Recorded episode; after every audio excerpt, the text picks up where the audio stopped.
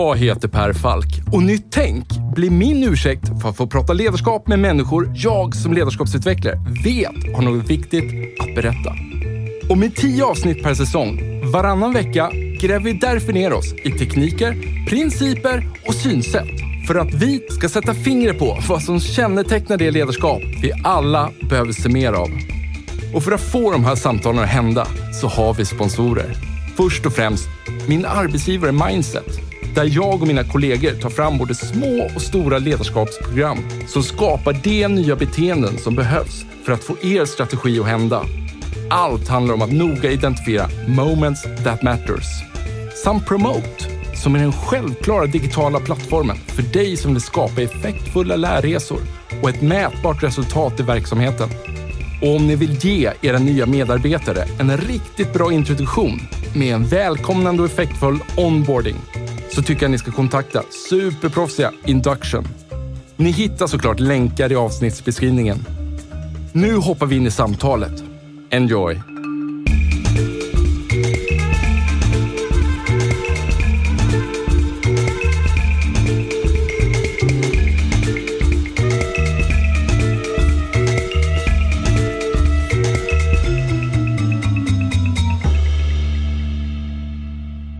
En fråga som är rätt rak på, men som så här, jag blir så fascinerad av. Vad är i en personlighet, eh, liksom rent generellt, som gör att man tänker så här, hmm, jag ska starta en teleoperatör. och, och det är en fullkomligt så här, man tycker att det är en fullkomligt realistisk eh, tanke. För många skulle det liksom vara ett liksom så stort steg. Man kanske vill liksom starta eget, eh, man, vill, man är entreprenör, men just teleoperatör, det låter så liksom det låter som att säga, precis som, som vår ljudtekniker Emil här, han sa innan, att det är som att säga att man, jag ska starta en tv-kanal. det, det låter liksom så stort.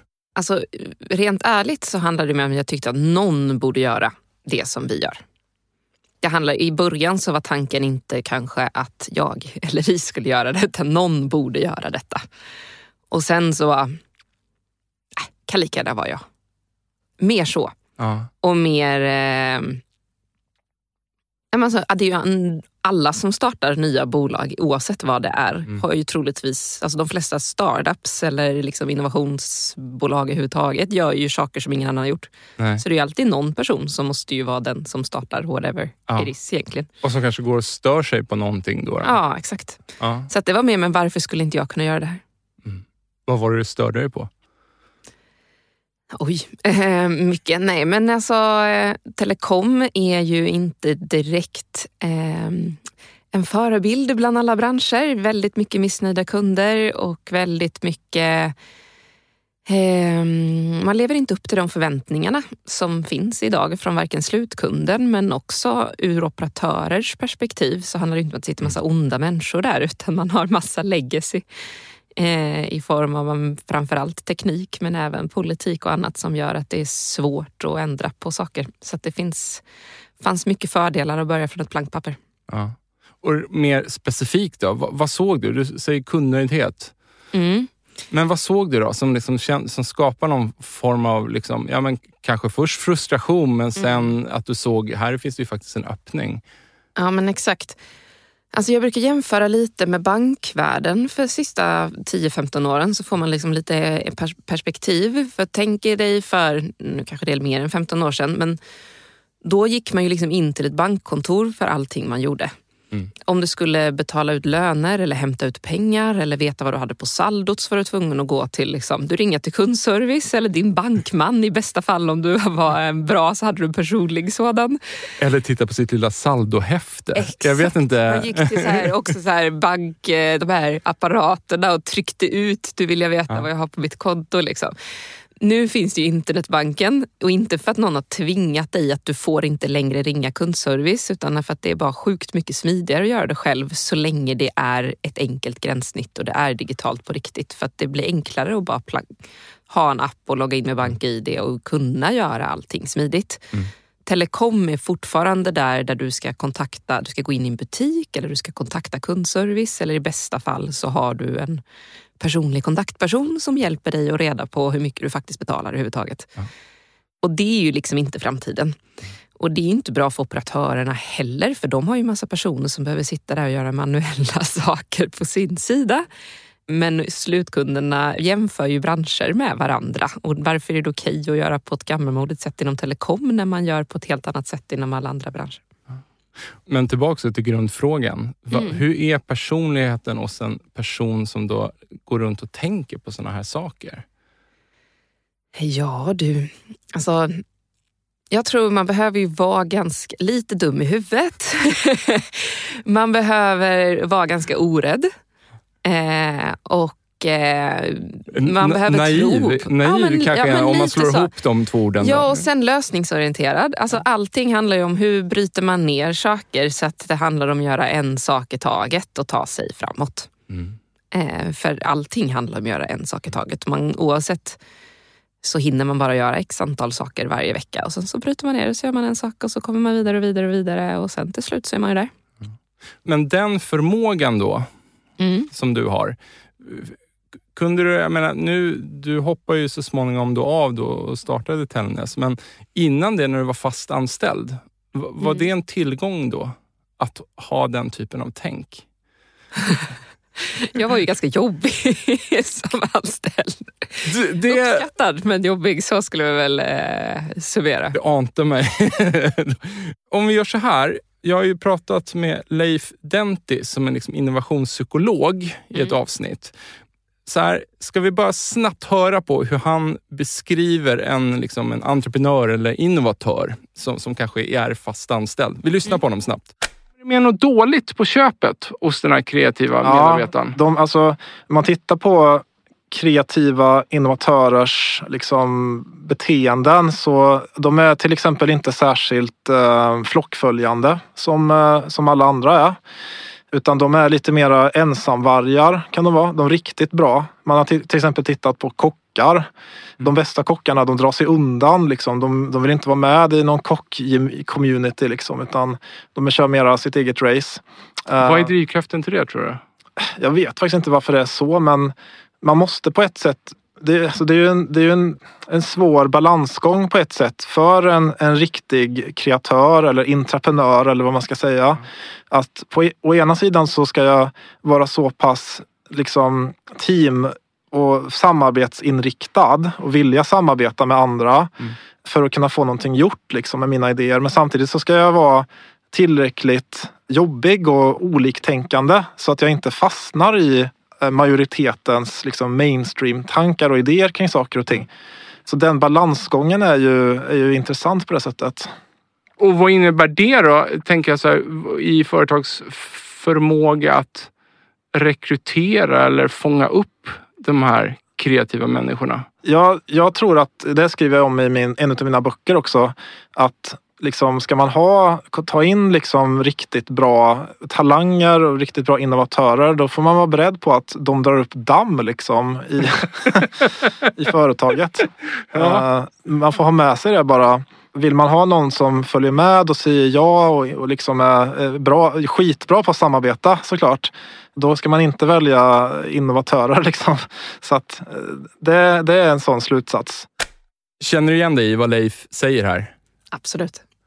Den här bråkigheten som du beskrev, ja. på vilket sätt? Hur kan du uppfattas som bråkig? För det här är ju så här sjuk tillgång. Du, du har ju, du har ju startat en teleoperatör. Mm. Men uppfattades då som så här, uppskattad som du sa. Men, men liksom... Ja, alltså jag tror det beror ju lite på hur man rör upp saker också. Ja. Eh, man kan ju uppfattas bara bråkig skulle jag våga påstå. Mm. Eh, beroende på hur man utmanar och hur man eh, inte nöjer sig med svar etc. etc. Ja. Men Alltså jag var faktiskt väldigt uppskattad också. Eh. Jag, jag, tror dig. Du behöver inte gå i försvarsställning. nej, nej, det är lugnt. Men eh, alltså det kräver ju att man jobbar för i så fall ett bolag som uppskattar det och att man har en roll där man kan få utrymme inom organisationen fortfarande. Ja. Problemet är ju att sådana som jag, om man märker att det här går inte att göra i min nuvarande Eh, situation mm. så nöjer man sig inte där. Nej. Utan då slutar man och börjar någon annanstans eller startar eget där man kan påverka själv. Ja. Men var du i en sån roll då, där du kunde få utväxling? Ehm, för den här typen av tänkande? alltså både ja och nej. Jag valde ju trots allt att starta eget Ja. till slut. Eh, men jag, jag, jag fick mycket bra saker gjorda också. Eh, men man höjer ju sin egen ribba hela tiden och sen när det tar stopp så inser man att nu går jag vidare. Men, men liksom det vi sitter och pratar med, med, med Leif då, i hans avsnitt är just den här paradoxen att så här, alla företag vill ju vara innovativa. Mm. Alla vill kunna röra sig framåt. Mm. Samtidigt som vi har eh, de här individerna då, som för det mesta kanske också i en yngre variant kan uppfattas som mer bråkiga och sen så Mm. lär man väl sig efterhand då, vad, när är det läge att lägga fram det här och när är det inte? Och när ska jag bara flyta med och när ska jag säga emot? Men, men Jag tror att det är Hur- en hur ska- utmaning också för stora bolag. För ibland så rekryteras det ju med flit bråkiga människor för att man vill få en förändring och man har strategiskt sagt att nu ska vi göra det här och det här. Och sen kommer det in personen som ju gör det de exakt är rekryterade för, det vill säga utmanar etc. etc. Ja. Men man kanske inte villig att faktiskt göra de aktiviteterna som då kommer som förslag. Så man har strategiskt bestämt sig att vi ska, I don't know, bli mer digitala. Mm. Det är beslutat. Så kommer det in någon digital expert. Mm. Och så säger de, nu måste vi byta det här systemet, vi måste göra det här och det här, men det är ingen som vill. Jag tror det är jätte, jätte vanligt. Eh, och då slutar oftast den personen ganska snart. Och man tror att en person ska lösa allt genom att typ bara finnas utan att man ska ändra något i grunden. Jag vet inte. Du, men, men jag måste också, du, du, du sa en grej där som jag mållåste på. Du sa så här, såna som jag. Eh, och då indikerar du, känner du igen din egen sort när du är ute och rör dig i, i samhället? Eh, ja, det gör man väl. Vad är det du känner då? då? Oj, det där är en väldigt bra fråga. Jag tror att man... Det är personer som är väldigt resultatdrivna. Mm. Det vill säga att man är mån om att faktiskt göra det som är bäst. Alltså om man säger att man har ett mål att man ska uppnå någonting. Då sitter man och så funderar man på vad behövs faktiskt för att nå för det. På riktigt. Inte någon politisk grej för att göra alla happy längs vägen eller för att allting ska också vara lite samma sak fast vi ska ändå göra det på något sätt. Utan ganska krast, vad behöver vi göra?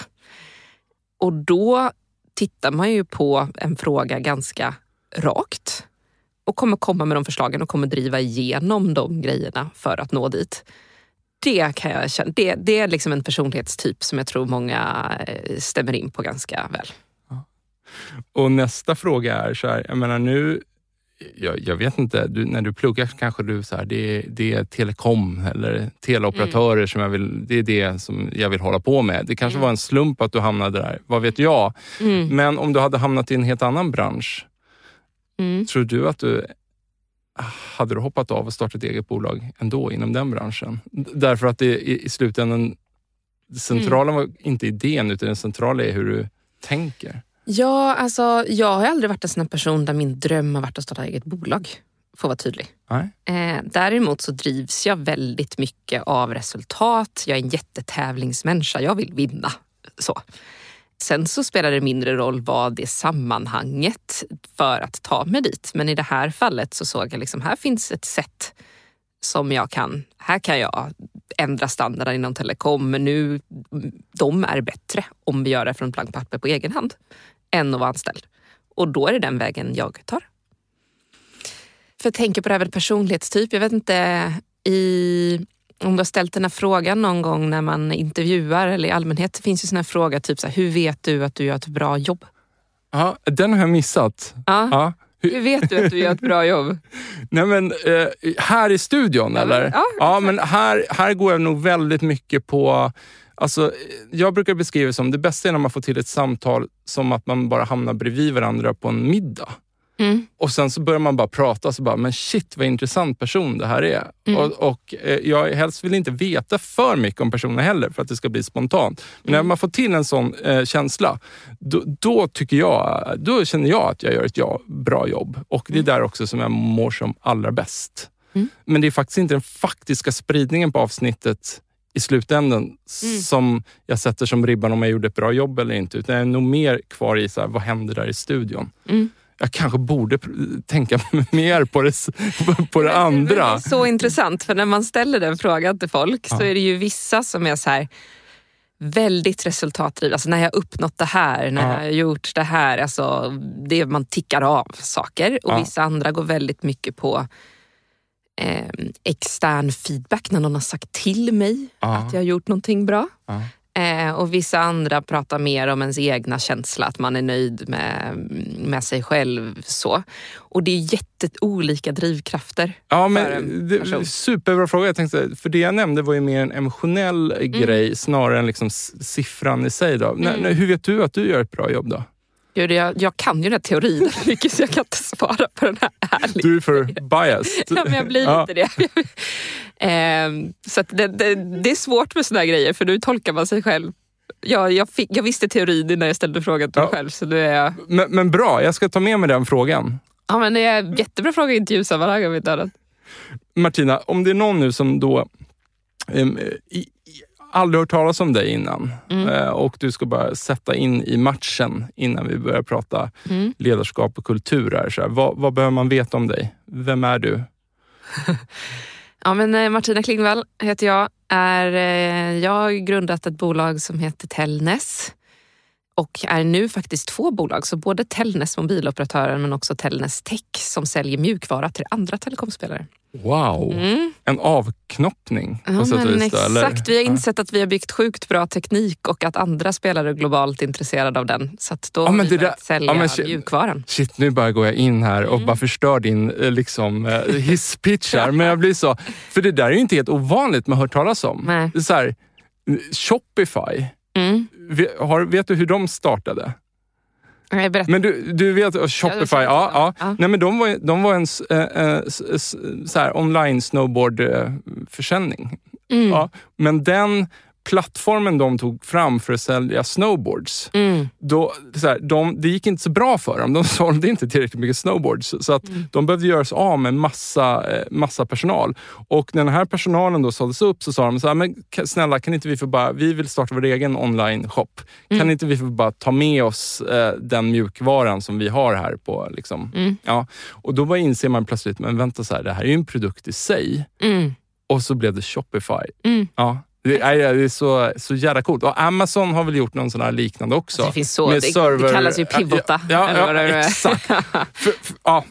Sorry, nu, nu kraschade din presentation helt. Okej, två bolag har det blivit. Ja, exakt. Så det, vi, ehm, men vi är ett teltechbolag. Eh, Så att det är alltså telekomspelare, inte så vanligt inom startup-världen. Så vi är en mobiloperatör för företag.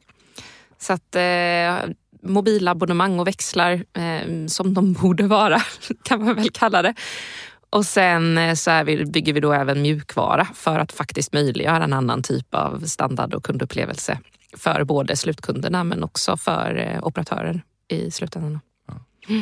Hur länge har ni funnits? Eh, vi grundades slutet på 2016 men har varit, eh, sen slutet 2017 har operatören funnits. Och techbolaget startades nu först i år. Ja. Mm. Och vilk, vilk, för att vara supertydlig, vilka är kunden?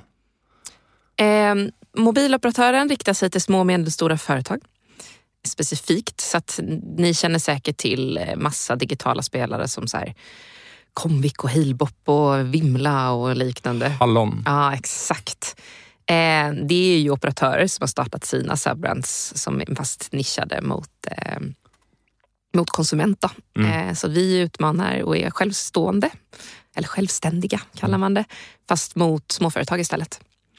Och vad har utmaningen varit så här långt? Vi, vi har ju pratat om många grejer här, Ja. men, men Utmaningen? vad är utmaningen att få det här att, att ha kommit så långt som ni har gjort? Oj. Eh, nej men dels så har ju varit en utmaning att faktiskt eh, starta det här överhuvudtaget. Vi har ju behövt investera mycket pengar och mycket, byggt väldigt mycket teknik för att kunna lansera eh, en bra tjänst i huvudtaget. Men sen så skulle jag säga vi brottas ju mot jättar i form av våra konkurrenter är ju de stora mobiloperatörerna. Eh, och där är det ju menar, att ta plats och vi har sjukt nöjda kunder och en väldigt mycket bättre tjänst. Men att man ska tro på att vi finns på riktigt och vad vi håller på med och liknande. Men det, den utmaningen blir mindre och mindre i takt med att vi får fler nöjda kunder som rekommenderar eh, oss till andra och liknande. Men det, det är ju en tuff marknad. Men eh, det låter som på dig att i den här klassikerna, fast man har en bättre produkt, Mm. men för att man är okänd så vågar folk helt Mm. enkelt inte hoppa på. Ja, alltså I början är det ju väldigt svårt för att vi, hela vår grej är ju att vi har en grymt mycket bättre kundupplevelse. Alltså apropå det här med internetbanken. Alltså här, du kan Ja. köpa ett fast nummer och sen så när du har tryckt godkänt med BankID så kan du ringa ditt nummer en sekund efter. Det är, liksom, det är enkelt, det är smidigt. Men det är ganska svårt på hemsidan att prata om att det är så smidigt för sig nöjda kunder när vi inte hade en enda kund. Det blir ju liksom, vi vill ju inte göra som branschen och överlova och smutskasta eh, våra budskap. Men nu har vi liksom över 12 000 kunder och, och liknande så att det, eh, nu finns det gott om väldigt, väldigt goda referenscase. Ja, jag, jag måste ju bara fråga, vilka var er först, absolut första kund? Jag vet exakt vem det var. Jag har en video på Lövi. Din, din farmor? Eller? Nej, nej, nej, nej, det är faktiskt inte det. Det är, gud, han hette, vi kallar honom eh, Floke eller något sådär. Jag vet inte. Han heter inte så så att jag kan säga det här. Ja, ja. Men det är faktiskt sjukt eh, random för det är någon, någon eh, egenföretagare i norra Sverige som signade upp direkt och som råkade vara den första växelkunden också när vi lanserade vår växeltjänst. Alltså helt randomly. Ja. Det var väldigt eh, intressant. Då måste jag också fråga, så här, har, men har det alltid varit en så här framgångssaga? Liksom? Har det alltid varit knivast framåt? Ehm, Alltså det finns ju ingenting som alltid är knivast framåt. Vi har inte haft så här att det, det har gått dåligt, dåligt för oss. Vi har haft eh, fin tillväxt och bra liksom. Mm. Men det är tufft att driva företag, så man har ju utmaningar exakt hela tiden. Eh, så det beror ju lite på vad man tycker är problem och vad man tycker är saker, hinder man behöver komma över för att komma framåt. Ja, vad, vad är det svåra att vara VD? Att man... Eh, oh gud, det är jättemycket saker. Dels så har man ingen att skylla på. Alltså, Sjukt jobbigt. nej men alltså, det är ju alltid från beslut man tar. Är man i en större organisation så har man alltid saker att skylla på.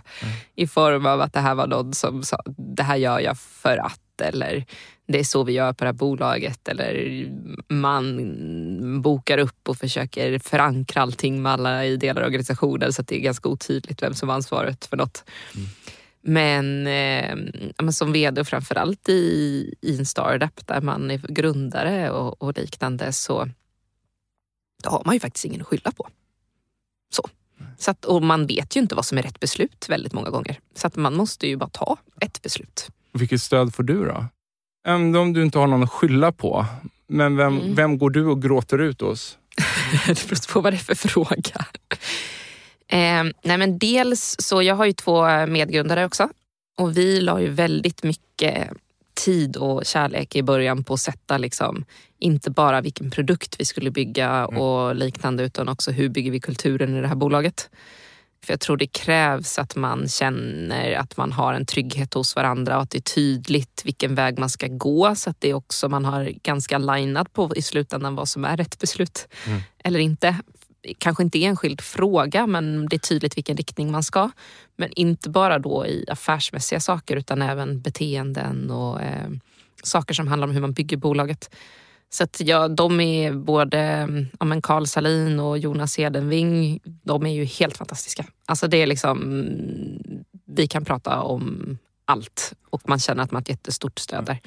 Sen har eh, ja, men min familj och sådär också får ju ställa upp när man är svag. Men då låter det nästan som att er kultur är en del av er produkt. Då. Ja, absolut. Ja. Mm. Kan du berätta mer om hur ni tänker där?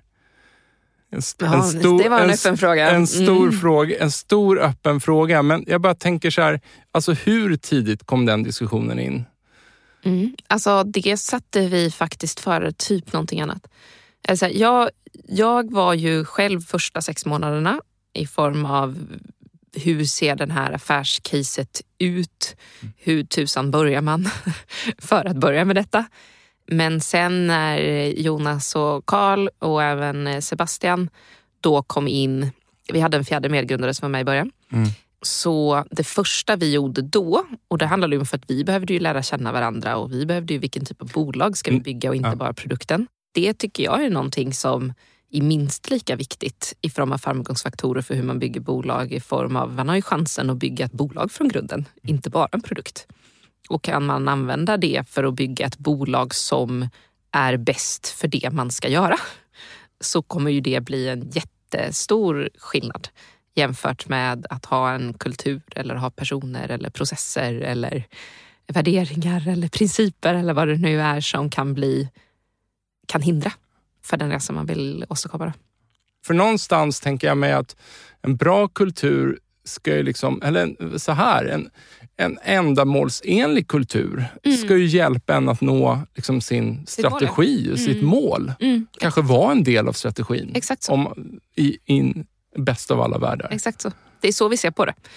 Så att några saker som vi enades om var just att kultur är viktigt och att det är ett sätt för oss att lyckas i slutändan. Att det här är inte någonting vi ska se som en icke-fråga utan vi började, vad för typ av aktiviteter, hur ska vi göra så att det här inte blir en pappersprodukt? Och alltså bara så här, det är en av våra grundprinciper att kultur är viktigt. Det är liksom en fråga som kanske inte många reflekterar över överhuvudtaget det första man gör. Och sen så satte vi då våra värderingar på plats och också eh, ja, ett antal principer som kanske är lite mer konkret i vardagen eh, jämfört med den, eh, alltså hur man lever, ja. värderingar och, och liknande. Ja. Jag vill ju bara betona liksom, anledningen Ja, men dels är, blir jag jättenyfiken på dig, men, men en av anledningarna till att jag bjudit in dig här är ju också att jag menar, det blir ju främst hos de små kommande bolagen som man ser de stora hoppen mm. kring hur man liksom resonerar kring en företeelse. Mm. I just det här fallet så råkar det vara nu kring ledarskap och kultur som vi pratar om. Och Det är därför jag blir så sjukt nyfiken när du börjar prata om hur tidigt ni tog upp den här frågan. Mm. Så vad är, alltså så här, jag är ledsen att jag, att jag ställer så jobbiga frågor ibland, men så vad är kultur för dig då? Eller för er? Mm. Eh, men kultur för oss är att ha en gemensam förståelse av verkligheten. Vad är faktiskt vår förståelse av vad det är vi försöker göra och vart vi ska och, och liknande. Men också vad är våra drivkrafter i det? Vad är våra värderingar i det? Mm. Och vad har, hur beter vi oss? Krasst. Och då kan vi bara prata, både bete oss mot varandra, mot våra kunder. Vad värderar vi? Mm. För att faktiskt ha en strategi om vad som ska sitta i väggarna. Så kan man väl säga. Och, och, Du nämnde ju principer tidigare också. Mm. Ja, så, så, om vi bara, för att discha av det, så vad är era värderingar då? Om, om mm. vi bara börjar där. Och hur relaterar principerna till Ja, men Jag kan ta några exempel så ja, du förstår skillnaden. För att Anledningen till att jag pratar om båda är för att en värdering till exempel, en av våra värderingar är care. Mm. Alltså det vill säga att det är viktigt för oss att faktiskt bry sig. Och då pratar jag både bryr oss om varandra, jag pratar om att vi, måste, alltså att vi, vi bryr oss om våra kunder och vi bryr oss faktiskt om bolaget och bolagets framgång. Folk som bara vill gå till jobbet för att beta av timmar och det är helt respekt för det, för det. För att det finns väldigt många människor som är i stadier i livet där man vill det. Då trivs man inte på Tällnäs för att folk bryr sig för mycket och då kommer man känna sig udda. Ja. Eh, men däremot så tycker folk på, eh, hos oss väldigt kul att vara i ett gäng där alla andra faktiskt bryr sig om att lyckas och bryr sig om varandra. Bryr sig lika mycket som jag bryr mig. Ja, helt enkelt. Exakt ja. så. Mm. Eh, men en princip då till exempel är att vi har en 24 timmars feedbackregel. Mm. Som gör att vi måste, alltså inom 24 timmar så måste man ge feedback. Eh, och det kan både vara liksom positiv feedback om du har hållit en föreläsning eller du har ja. gjort någonting så förvänt då vill du ju ha feedback inom 24 timmar för annars vet ju, kan ju du gå där och oroa dig på vad folk tyckte och tänkte. Ja. Eller om jag stör mig på något eller någon eller något som har sagt som jag tyckte var fel så behöver jag bestämma mig att antingen släppa det eller ge den feedbacken inom 24 timmar. Och det är ju för att feedback ger man ju först om man bryr sig om andras utveckling. Såklart. Mm. Och får ni det att funka?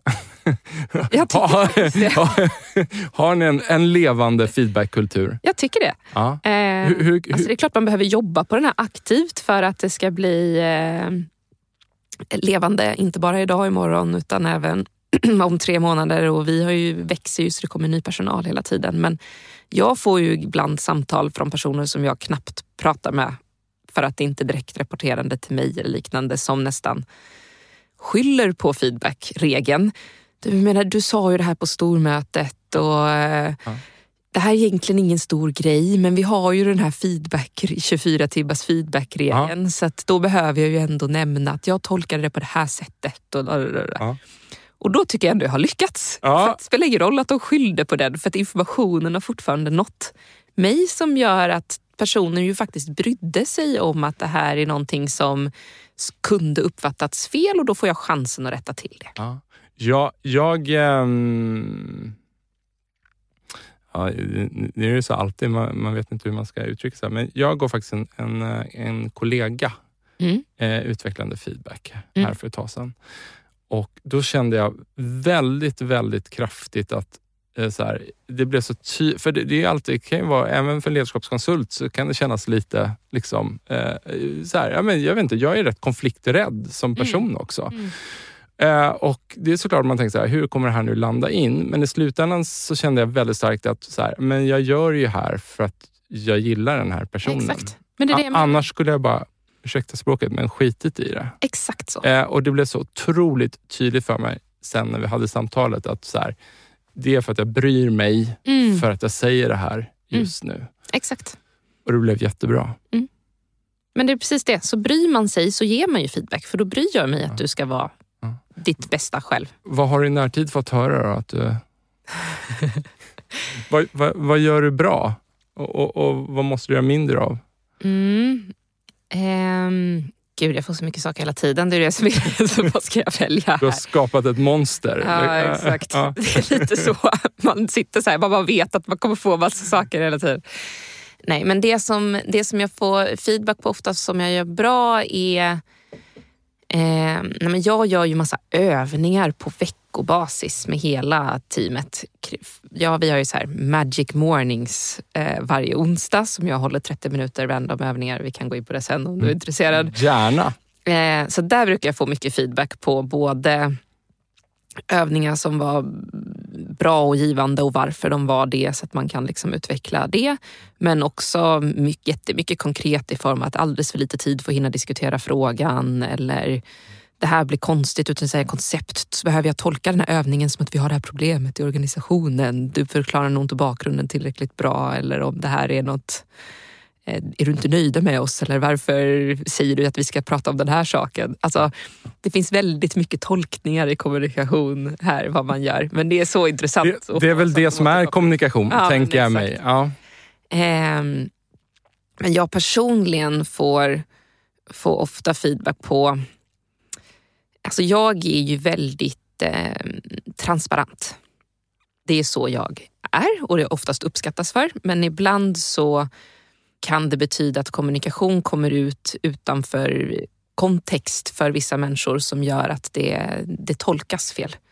Det vill säga att man, jag har oftast inte så mycket underbyggda, dolda meningar med saker men man kan börja oroa sig eller tänka att betyder det här kanske någonting annat? Eh, så. Jag gillar ju att säga så här, nu, nu frågar jag dig vad, vad du måste tänka på, men Mm. jag gillar ju att prata i termer av så här, när, i vilka situationer tenderar du att bli missförstådd? Mm. För att jag tycker man måste ju, s- liksom, skilja på, är det ett perceptionsproblem eller ett, ett riktigt problem? Mm. Eh, I det här fallet låter det som att det kanske var ett perceptionsproblem då, på sätt och vis. Mm. Det vill säga att, Men det är att någonting hamnade- jag aktivt tänker på, Ja, att jag måste det, fråga mig Det är fortfarande vad... ett, ett, ett problem, Ja. även om det är ett per- perceptionsproblem. Mm. Och, och Nörden inom mig, jag måste bara fråga dig också, så här, men, så, men vad är värdet då, då att ha den här feedbackkulturen? Alltså vad ger det Tellness? Bra fråga. Eh, nej men dels så ger det, alltså ingen är ju perfekt hela tiden. Alltså både när det gäller kommunikation eller beslut eller whatever. Och det ger ju mig och alla andra möjligheter att faktiskt agera på saker. Det blir inte den här in frustrationen som Folk behöver inte gå varken oroa sig för vad folk tycker och tänker om en. Nej. Utan det blir ganska straight forward. Så. Ja. Eh, men också att man faktiskt kan agera på saker direkt innan det blir stora saker i organisationen. Och grejen är, jag har ofta tänkt, alltså det, det är ju helt omöjligt att mäta, men när jag går runt så här dagdrömmer lite så tänker jag så här, mm. tänk om man kunde sätta en siffra på hur mycket så här mikromissförstånd ah. som ständigt inom en arbetsgrupp eller mm. avdelning inom ett helt företag mm. bara hela tiden eh, snurrar runt, studsar runt. Och det har ju vi fortfarande. Mm. Alltså så. Skillnaden är ju att de kommer upp till ytan tidigt Exakt. så att vi kan agera på dem Exakt. tidigt. Så att de blir väldigt sällan de här jättestora ja. eh, sakerna som kom upp alldeles för sent och har varit, ja. tagit onödig energi under x antal månader eller så. Ja. Men feedback då, det kopplar du till caring ja. och, och ni hade ett antal principer under varje ja, värdering då kan man då mm. säga. Vad, jag måste bara fråga så här, finns det, kan du ibland stöta på några myter om, om kulturbegreppet? Det är väldigt lätt att man har kultur när man har x antal ord och de står på väggarna och eh, sen gör man inte så mycket mer med det. Nej. Och sen så blir det liksom, du lever inte upp till företagets kultur. Vad betyder det? Jag vet inte riktigt. så, så det finns väl en del myter i form av vad betyder det att vara kulturdriven överhuvudtaget och ja. så. Men jag vet inte riktigt om jag har mer konkreta exempel än så. Nej, jag vet inte. Du, stö du stöter aldrig på någon som tycker att kultur är överskattat eller att det bara är en Alltså det något, de... något som är ihopdiktat på något sätt. Ett tillstånd som egentligen inte finns men ja. som bara finns i, i managementböckerna. Eller... Men så, så tror jag att det är på många bolag. Att man säger att man har viss kultur och jobbar på det men i praktiken så är man något helt annat. Så. Eh, vad, vad Linus Jonkman kallar en pseudokultur. Mm. Väldigt bra uttryck. Ja, exakt.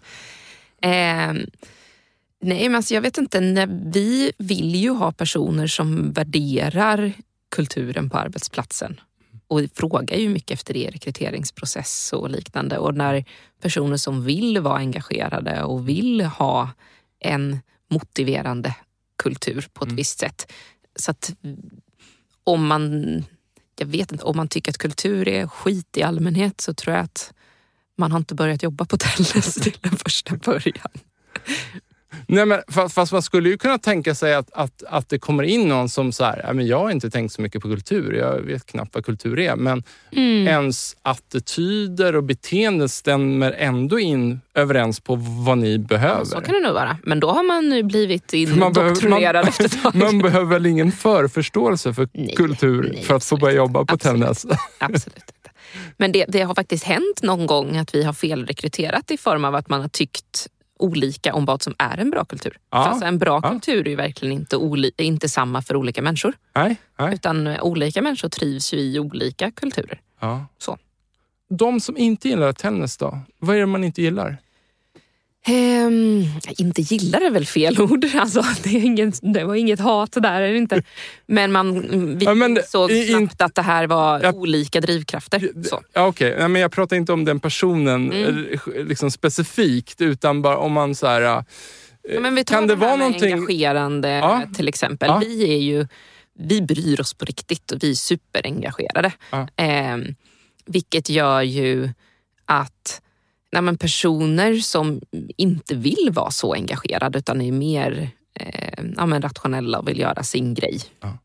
kommer känna sig jätteudda ja. på Tällnäs. Ja. Det, det, skulle inte passa. Jag tror man kommer känna sig, oh, men de här, alla bryr sig så mycket om bolaget. Och, Det gör ju inte jag. Alltså, det, det kommer kännas eh, konstigt. Ja, och så kan man ju tycka så här, det måste ju få vara fair då mm. och känna så. Men, mm. men då får man liksom, det här passade inte mig helt enkelt. Nej men exakt, alltså, det kommer inte, alltså, det, jag har full respekt för att alla inte vill vara på ett sånt typ av bolag. Men för oss är det väldigt, väldigt kul när alla är så hos oss. Ja. Och, och, nästa fråga är så här, hur har ni då liksom lyckats förankra den här kulturen? Då? Alltså, hur har ni jobbat med den för att den ska bli en levande del av mm. företaget? Nej, men dels så lägger vi tid på det. Vi gör både i onboarding, att det ska vara tydligt med vad, vad är vår kultur och principer och, och liknande. Ja. Men sen så ehm, ja, men konkret så gör vi några saker varje vecka i, eh, i kulturdrivande syfte. Alltifrån Nu kan jag bara ta de som är gemensamt för hela gruppen, det vill säga både operatören och tech, för det är uppdelat nu i, eh, i två bolag givet att det är två olika kunder och målgrupper och, ja. och liknande. Men vi har ja, men det här Magic Morning som vi pratar om på onsdagar till exempel är en sån grej varje vecka. Mm. Som kan vara allt ifrån eh, vi jobbar med eh, kom, mycket kommunikationsövningar. Eh, vi har haft någon gång när vi pratat om kommunikation i Slack och jag listade ett antal vanliga meddelanden. Typ, hade varit bra om du hjälper mig med det här. Aha. Vad betyder det? Aha. Betyder det jag vill ha hjälp idag? Ja. Betyder det du måste hjälpa mig? Betyder så det du har tid att göra det någon gång? Så du har fångat upp ett antal formuleringar? Ja, och, som är så här, och sen ja. så delar jag upp i grupper och så ska ja. man definiera vad betyder de här och sen så har vi diskussion kring det och sen så enas vi om vad betyder det i slutändan. Till att vi, men har, vi har feedbackövningar där man ska ge varandra ja, men positivt utvecklande feedback till att vi ja, men vi hade det förra veckan så tror jag att man skulle skryta om sig själv i 60 sekunder. Eh, bara för att lära känna varandra och våga eh, liksom, vara stolt över saker man gör bra. Till att eh, vi, brukar, vi kan ha någon gång ringer vi kunder för att en av sakerna är viktigt att vi är kundfokuserade ja. och då ska vi liksom prata direkt med kunder i slutet. Alla ska göra det? Ja. I er kundtjänst då? Eller? Alltså då ringer vi random. Okej. Okay. och säger? Hej. Nej men typ att man eh, ringer och vilken roll man har och eh, passar på att samla ja. ihop feedback och hur uppfattar ni vår tjänst och ja. kul att ni är kund hos oss. Typ. Ja. Bara så att man ska få prata med en slutkund i slutändan. Ja, men vilken eh, möjlighet till att bygga relationer också. Mm. Alltså det känns som en triple win-win-win. Mm. Så det finns alltid en liten baktanke på som man förklarar det här. Ja, men det är viktigt att vi är så här, så här, så här. Nu ska vi göra den här övningen. Eller det är viktigt att vi är bra på att kommunicera för att vi ska kunna uppnå detta och därför gör vi den här övningen. Eller ja. det är viktigt att vi når våra mål. därför ska vi göra den här eh, övningen. Jag måste bara också så här. Hur fungerar er säljavdelning? Och hur kommer kulturen in där? För att jag, varför jag säger det är jag bara tänker så att det är så många säljavdelningar där det som avgörs i slutändan är liksom vem som säljer bäst. Mm. Har du något spontant, spontant att säga där? Hur, hur kommer er kultur in i säljarbetet? Mm. Um, ja, men del, alltså, en säljare handlar ju oftast om att vara effektiv, tydlig och bra säljare och liknande. Men vi har ehm, teammål i säljteamet eh, som går liksom nummer ett. Eh, och teambonus och liknande. Eh, för att det handlar ju liksom om att uppnå bästa möjliga resultatet ja. Eh, för bolaget ja. egentligen istället för bara... Hjälpa varandra att ja. bli bättre. Alltså vi har haft någon period i slutet på nära ett slutmål där någon sitter och hjälper den andra säljaren att stänga sina kunder för att man vill... Alltså det är så här, det, det där hände, jag bara så här, Lyckan i hjärtat var enorm. Eh, det, och det, var, det var därför jag ställde just den här. Jag menar, jag är ju inte inriktad mot sälj överhuvudtaget, men, men någonstans har jag bara fått för mig att kulturarbetet... Alltså så här, jag vet inte. På säljsidan är det en, en, den sista delen av företaget där ja. kulturen på något sätt letar sig in har jag bara fått för mig. Du får, nej men du får säga så här. På bolag och liknande. Ja. Också så här, en säljorganisation kan ju se väldigt olika ut på, beroende på vem slutkunden är. Och, alltså säljer man till konsument eller småföretag eller säljer man enterprise-konton där man stänger en kund om året. Alltså det är ju helt olika ja. organisationer. Eh, så. Eh, men eh, vi går ju mer och mer till liksom team och liknande incitamentsmodeller som resten av bolaget. Varför ska sälj egentligen vara helt annorlunda om man är motiverad ändå? Ja. Du nämnde ju där, vad heter den, 24-timmarsregeln. Mm. Har du bara några andra... Så här, var 24-timmarsregeln en princip? Ja, det var ja. en princip. Har några andra, vi ska inte gå igenom alla principer. Har du någon annan som bara, så här, den här är jag extra stolt över? Ett annorlunda exempel på vad en princip kan ju vara allt ifrån hur vi sätter löner, Mm. att det ska finnas struktur för det när vi rekryterar. Mm. Och vi i ledningsgruppen har under lång tid haft exakt samma lön. Mm. För att det ska vara eh, jämlikt på olika sätt och det ska inte handla om vem som är bäst förhandlare utan eh, vilken roll man har och vilket jobb man gör i slutändan. Så det finns ju den typen av bolagsprinciper som inte är eh, det, här, det här gör jag varje dag eh, Mm. på samma sätt som 24 timmars regeln. Då. Mm. Eh, och vi driv, gör ju mycket så här jämlikhet i organisationen eh, överhuvudtaget och är 50-50 eh, tjejer och killar i alla team, inklusive utvecklare och säljteamet och, och liknande, vilket är ganska ovanligt. Så det är den typen av principer i form av att vi ska vara ett diversifierat team också. Då. Jag måste också bara, när vi ändå pratar om det, hur... Eh, ni pratar om att det är viktigt att folk som kommer in i det här, alltså att ni förbereder personer att det är den här kulturen vi har på Tännäs och så vidare. Mm. Hur screenar ni folk i rekryteringsprocessen? För det låter ju som att om ni nu har laborerat det fram på säljsidan där, eh, så laborerar ni det säkert fram och, och skruvar på andra delar också. Vad har ni kommit fram till där? Eh, nej men dels så har vi infört en, vi har ju liksom en HR-intervju i slutet av processen där vi bara pratar eh, värderingar och eh, liknande. Eh, så att det, det har vi infört. Det hade vi inte tidigare. Då var det upp till respektive liksom ledare och liknande. Men nu har vi en, ett sånt steg eh, enskilt med ett antal frågor. Eh, Så det börjar egentligen med lite mer, de första intervjuerna handlar om faktiska ja men alltså kvalitativa eller kvalificerade Ja, frågor kan ja. man kalla det. Har man den kunskap som, som Ja. man måste ha för den här rollen? Ja, och då är det liksom ledaren som ansvarar för rekryteringen i form av, men har den, har den egenskaper för att vara bra i sitt jobb? Har den eh, kvaliteter som krävs för att kunna alltså, prestera eller kunna växa in i, i uppgiften? Och sen så har ja, men, vår eh, HR-chef har då en intervju helt separat som inte handlar om någonting om det utan bara rent eh, kulturfitt. Då. Ja. Vad, vad skulle det kunna vara för frågor där? Oj, det är en del så filosofiska frågor. Men om vi tar det här med jämlikhet eh, som vi pratade på slutet. För nu har ju vi ett sjukt differentierat team. Alltså, vilket är ju jätteusp för oss. För att det, det gör så stor skillnad när ingen är i minoritet. Antingen inte i kön, inte i eh, vart man kommer ifrån, inte i...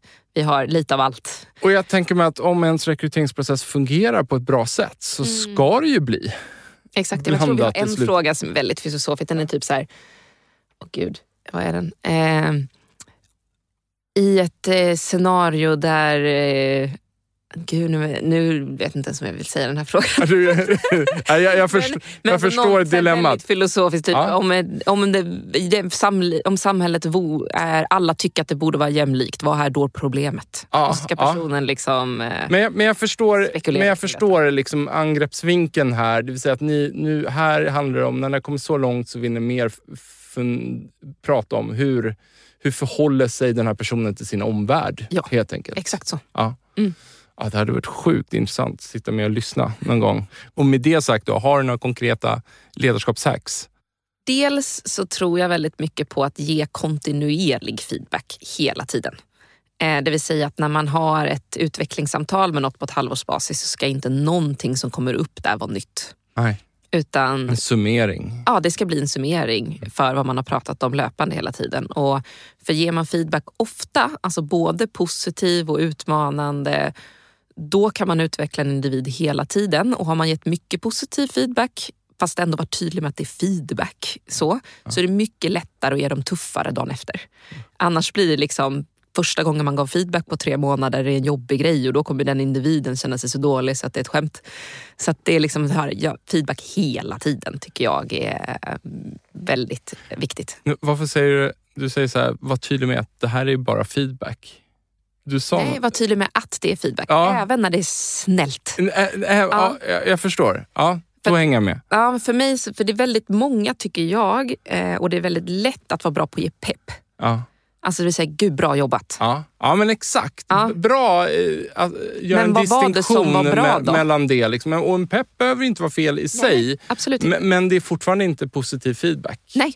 Nej. men om jag säger jag skulle vilja ge lite feedback till dig och så kan jag säga det var jättebra att du gjorde X, Y, Z. Det var jättebra att du gjorde la, la, la, la, la. Så, slutsatsen var fortfarande bra jobbat. Men det är en jättestor skillnad för då har jag gett dig feedback istället för bra jobbat. Andra hacks skulle jag väl säga är att eh, man kan ju jobba med målstyrning på väldigt många olika sätt. Ja. Vi jobbar med OKRs, det vill säga att vi bryter liksom ner. Bolaget har några ja, men, objectives och några mer konkreta mål etc. Man kan läsa på den här metoden om man vill. Och sen så har respektive avdelning då några OKRs som är liksom mål eh, som ska stötta för att uppnå bolagets och sen så har individen ytterligare en nivå ner några saker på hur man själv kan påverka på olika sätt. Och då är det både mer alltså så här, resultatdelar av det faktiska jobbet man kommer göra under den här perioden. Men kanske också utvecklande personligen för att man ska kunna bidra ytterligare i sin roll. Och när de blir liksom så pass konkreta så att man verkligen så här, har du uppnått detta eller inte? Och det kan vara allt ifrån, jag menar en person i marknadsteamet behöver utveckla sin kompetens inom eh, paid marketing på Facebook. Jag vet inte. Så kan man ju faktiskt göra det konkret i form av, men klarar du av att göra de här, de här sakerna utan hjälp av någon externt? Eller sitter du support så kanske du, du ska klara av att sitta en hel vecka utan att behöva ställa någon fråga till second line eh, support eller whatever. Då blir det ju ändå tydligt i form av har man tagit ansvar för sin utveckling och det är också bra för Har bolaget. man lyckats med målet eller inte? Ja. För att man har så väl definierat exakt, Exakt. vad som ska... Liksom. Och det är jättesvårt. Men lyckas man med det och lägger tiden på det så är det väldigt mycket lättare att vara ledare i slutändan. Klockrent. Och jag måste ju också, liksom, när vi pratar om hacks här, jag tänker ju så här, en, en så stor del av er resa måste ju ha varit att, att eh, få in finansiering. Mm. Eh, speciellt i början, kanske nu också, vad vet jag. Men Mm. eh, då har du stått, någonstans har du stått och, och pitchat Mm. varför det här kommer bli en framgång. Ja. Vad har du lärt dig där? Oj, det är en helt annan resa. Eh, nej, men jättemycket. Alltså, det är så speciellt, hela den grejen. För man säljer in på...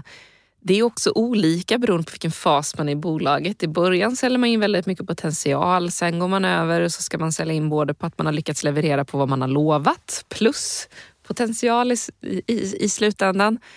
Och jätteolika beroende på vem man pratar med. Så det är jättestor skillnad på vem vi pratar med, om det är någon som är kompetent inom telekom eller inte. Ja.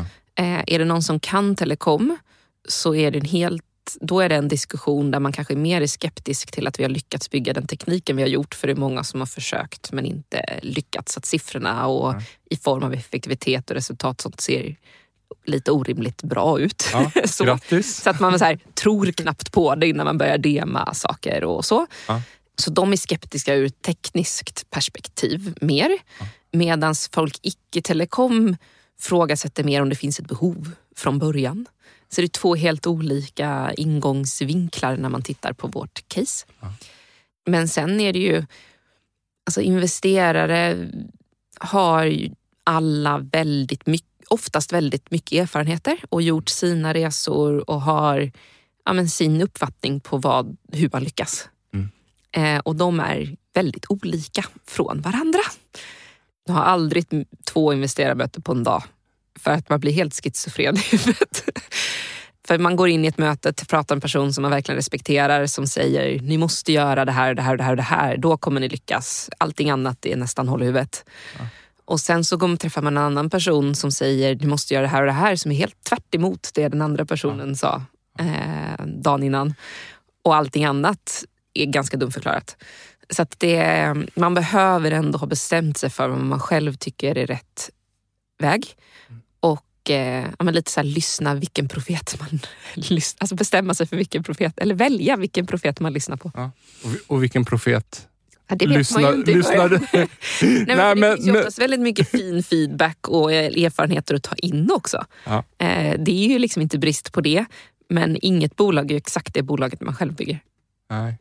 Och nu, nu ställer jag en fråga som jag då aldrig har ställt i den här podden. Då. Eh, men vad, vad skulle du vilja säga till en ung entreprenör rent generellt? Mm. En ung entreprenör generellt. ung, varför la jag till ung för? Nej, det är egentligen... tidig entreprenör. Ja, eller en, ja en tidig entreprenör. Ja. Exakt.